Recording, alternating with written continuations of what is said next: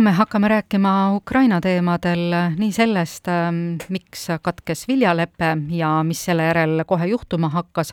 aga ka ühest pisut äh, kaugemast teemast, ehk kõik ju mäletavad seda, et äh, mõnda aega tagasi purunes üks suur tamm, olid üle ujutatud alad, siis räägiti sellest palju, aga nüüd juba jupp aega mitte midagi, mis nendest aladest saanud on, kuidas inimesed seal hakkama saavad. Herojem Slava MTÜ asutaja, Ukraina ekspert Jaanika Merilo on meil stuudios, tere hommikust! tere hommikust! alustame sellest äh, viljavarude teemast ja viljalepingust. pommitamine algas sealkandis äh, väga ägedalt pihta kohe, kui lepe oli lõpetatud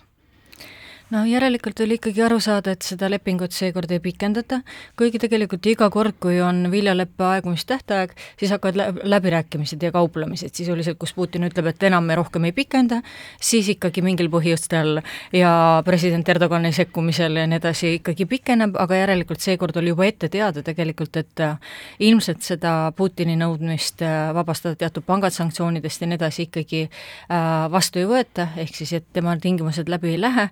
mis tähendab, et äh, tuleb hävitada kõik, äh, mis võimaldaks ka Ukrainal edaspidi ise opereerida. ehk siis tegelikult, kui vaadata, kus praegu pommitatakse, siis need on ju eelkõige sadamataristu ja mitte ainult Odessa, vaid kolme sadama, kust äh,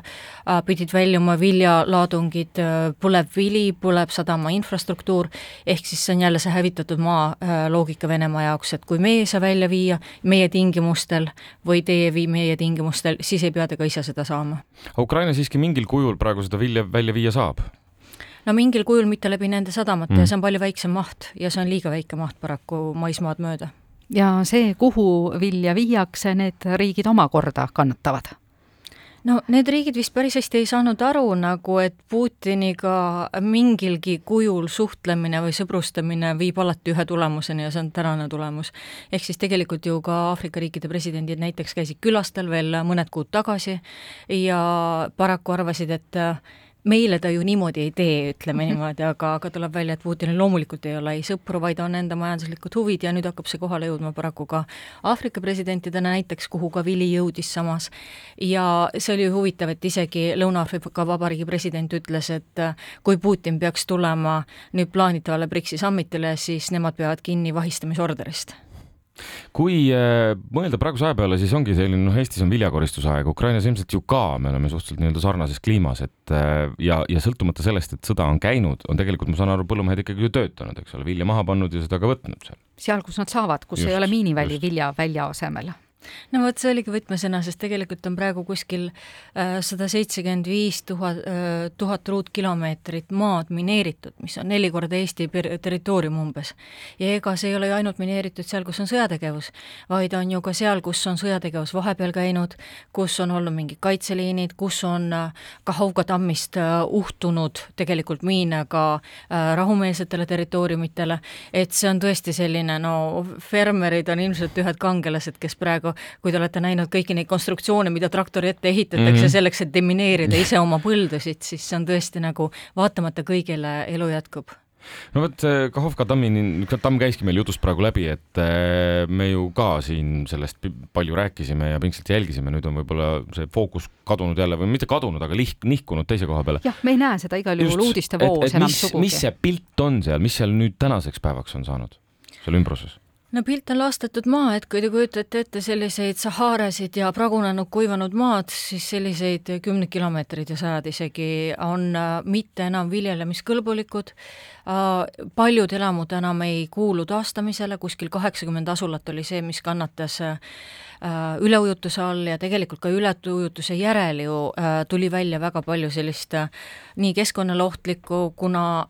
ka üleujutuses sai kannatada erinevad keemiatehased, erinevad tõesti kalmistud olid seal ohtlike haigustega, et üks asi on see, et vesi on küll taandunud, aga ega see, et vesi on taandunud, ei tee maad veel viljeletavaks või elatavaks, et praegu on ikkagi, proovitakse hinnata, et kui suurt keskkonnamõju see avaldas, rääkimata kõigist nendest rahvusparkidest, mis on ikkagi nüüd jäädavalt ilmselt kadunud, et, et praegu käib mõju hindamine. Ja kahjuks oli just see viljeldav territoorium, kust tuli ka väga palju äh, ekspordiks erinevat äh, vilja, arbuuse äh, ja see oli väga viljarikas territoorium, et tegelikult majanduslikud kahjud jäävad ikka väga paljuks, rääkimata sellest, et tamm tuleb uuesti üles ehitada, aga tõesti, see oli ju maailma minu meelest väga nõrk reaktsioon äh,, tammil ei hakata isegi arutama, et kes seda küll võis teha, selle asemel, et see oli tegelikult no tohutu terroristlik rünnak kogu tegelikult maailma jälle vastu, mõttes, et see oli ju jälle nii ekspordipiir, piirkond samuti, mis toitis osad maailmast, et see, et reaktsioon jäi nõrgaks, on see kahjuks, mis võimaldab ka Putinil edasi jõuliselt tegutseda, saades aru, et tagajärgi ei pruugi olla. kuidas koha peal selle üle arutletakse, kas üleüldse teha sarnane tamm või ei ole mõtetki midagi nii suurt teha, et teha mitu väiksemat, et ne, siis on nagu vähem ohtlik kuidagi hajutada tuleviku jaoks neid, sest noh, kõik sellised katastroofid annavad teatud õppetunni, et kui meil on oskus, siis õppida, eks ole jah, tamm teha ilmselt, aga hüdroelektrijaamas on äh, küsimus, et kas praegu see on kõige efektiivsem lahendus, samal ajal kui võivad olla näiteks erinevad modulaarsed tuumaelektrijaamad ja et selles mõttes, kas kõike taastada, on küsimus, et tammi mingil kujul on vaja, aga tõesti, millisel kujul tuumajaam on siin päris märgiline sõna. Ukrainas on ka tuumajaam, kust tuleb ka pidevalt väga ärevaks tegevaid äh, sõnumeid, et kes seal tegutsevad, kuidas nad tegutsevad ja millal ühel hetkel tegevus lakkab?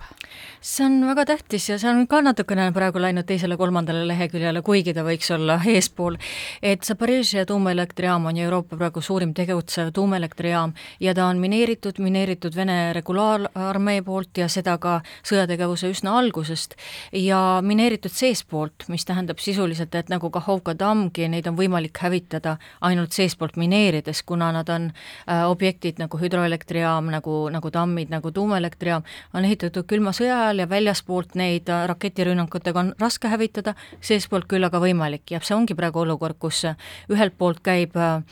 äh, käivad Euroopa erinevad äh, järelevalveagentuurid ja Grossi vaatamas üle, et kas need mineerimised on tõesti nagu aktuaalsed, ohtlikud, värsked äh, ja samalt poolt Ukraina ja Ukraina luurejuht Budanov ütleb, et teate, et oht on väga reaalne, et küsimus on see, et, et kas ta on natuke vähem või natuke rohkem, aga see ei muuda olukorda, et see on mineeritud Vene vägede poolt mis meil üldse toimub praegu seoses äh, nüüd Ukraina vasturünnakuga või selle pealetungiga? mis see viimased arengud on? Minu meelest on huvitav see, et tegelikult ju Vene äh,, Vene, jumala eest õnneks ka Vene põhivägesid, Ukraina põhivägesid ei ole tegelikult toodud ju lahingutesse. et me kogu aeg jälgime seda, et tõesti kilomeeter haaval vabastatakse äh, Ukraina territooriumi, praegu on vabastatud umbes kolmsada ruutkilomeetrit, jälle, kas vähe või palju, no seda on nüüd võimalik diskuteerida, kui sul on kilomeetreid miiniväljasid äh, ja on jõutud mineerida ja sul ei ole piisavalt vahendeid selleks, et demineerida, loomulikult läheb aeglaselt. aga samas ei ole ju näha tõesti ka nagu suuri pataljone tanke ja varustust, mida on antud Ukrainale, ehk siis ikkagi ma eeldan ja oletan, et veel oodatakse. mõttes, et suuremad lahingud on tõesti veel tulemas ja suuremad pealetungid. loomulikult ei ole kohale jõudnud lennukid, mida äh, nüüd juba äkki jälle lubatakse, vähemalt mm. äh, viimase sammiti tulemusel algab väljaõpe Hollandis ja Taanis, ja võib-olla ka oodatakse mingil määral pealetungi algus selleks, et saada äh, ülekaal õhus, sest ei ole ju kunagi äh, Ameerika näiteks ilma ülekaaluta õhus peale tunginud, ei ole ka NATO doktriini järgi, et äkki ka osaliselt oodatakse siiski siiski kevadet selleks, et puhastada territooriumi ja saada see ülekaal õhus? no üldse see summit'i järgne ka, ega see NATO summitki oli selline noh, lõppes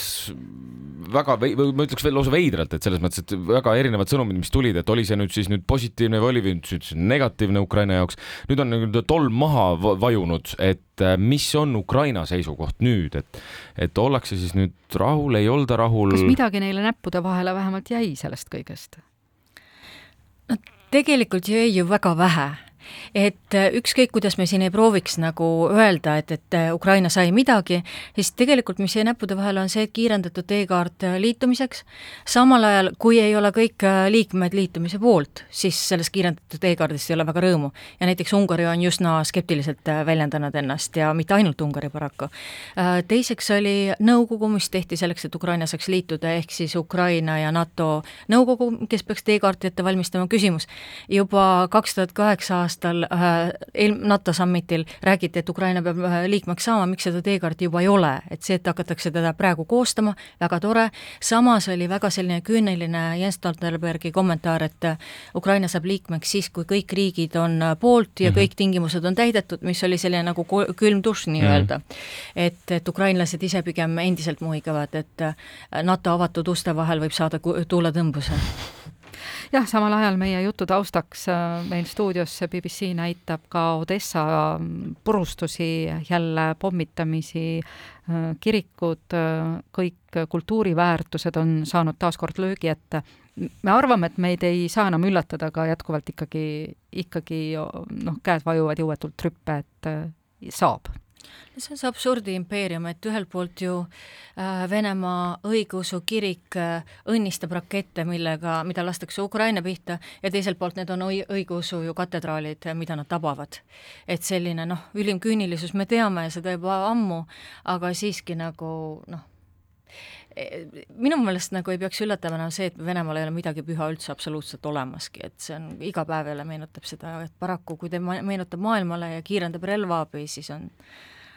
seegi hea. no loodame, et see relvaabi ikkagi kiireneb, et seda tõesti tuleb. aitäh tulemast meile täna hommikul külla, Jaanika Merilo ja ilusat hommikut! suur tänu!